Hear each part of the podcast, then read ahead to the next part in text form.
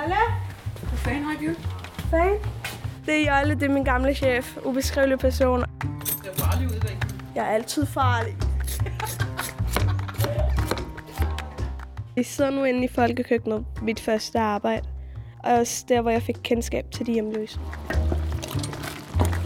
Jeg mødte Daniel på Blågårdsgade. Så han hej. Ja, hej. Men han kalder ikke dig for mamma, vel? Nej, det gør han ikke. Jeg, jeg er køkkenpige.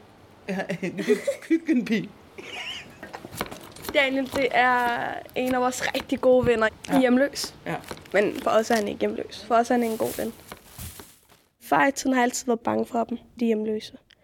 Men de sidder jo foran min arbejdsplads, så jeg gik forbi dem hver tirsdag. Det er december måned, det var mega, mega koldt. Da jeg gik ned, så tænkte jeg, okay, oh shit, bare, bare de ikke gør noget eller sådan noget. Men de sad med soveposer og jakker, der var huller i, og jeg kunne se, at de havde det koldt, og de frøs.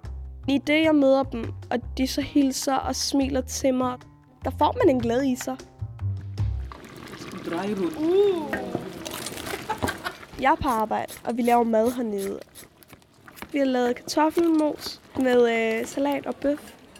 Og så var der mad tilbage, og det kunne enten blive smidt ud eller blive givet væk. Og så blev mig og min chef enige om, at det behøvede ikke at gå til spil. Vi har nogle takeaway-bakker op i lageret, så jeg gik ud og gav dem det. Og jeg har aldrig set nogen blive så glad bare for mad. Så var det fredag, lørdag, søndag, tirsdag, jeg er på arbejde. Vi er færdige, og vi skal til at rydde op. Så kommer en af mine chefer ind til stationen, det kan bare ikke passe. De hjemløse skal fjernes. What? De har ikke noget sted, de kan fjernes fra, siger jeg så. Jo, de skal fjernes hernede fra.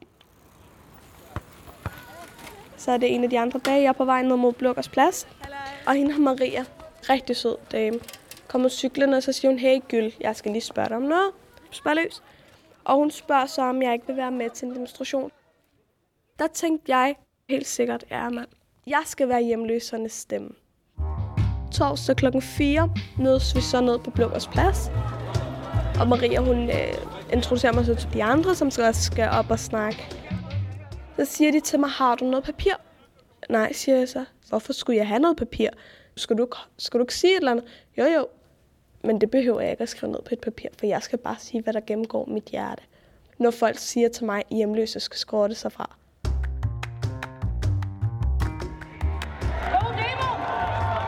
Vi hoppede så op på vognen, og den kørte, og der er mange, mange mennesker. Hold da op, hvor var der mange mennesker. Og så tænker jeg, okay, shit, kan jeg det her overhovedet? De giver mig mikrofonen, og så står jeg der, og Maria har lige introduceret mig som 16-årig pige, der hedder Gyld. Så tog jeg mikrofonen, så tænker jeg, nu er det min tur. Og lige pludselig, så er der flere telefoner og kameraer, der bare bliver holdt oppe, og det der blitz, det skærer bare i øjnene på mig. Og jeg tænker, okay, nu er jeg midtpunkt. Og så siger jeg, lige så meget som du og jeg har ret til at være herinde, så har de hjemløse også ret til at være herinde. Det kan ikke være rigtigt, at de skal flyttes, fordi de ikke må være der. Folk klappede helt vildt, og det gik lynhurtigt. Altså ligesom at gå over et lyskryds, så hurtigt det gik. Så kommer der en anden hen til mig, normalt som jeg vel sikkert ikke tør hilse på. Hun var kortklippet og havde hue på, og en rigtig flot stor hund. Så hun som er skide godt tøs. Og så tænker man bare, yes, jeg har ramt plet, mand. Efter den her demonstration bliver hjemløsen alligevel fjernet herfra.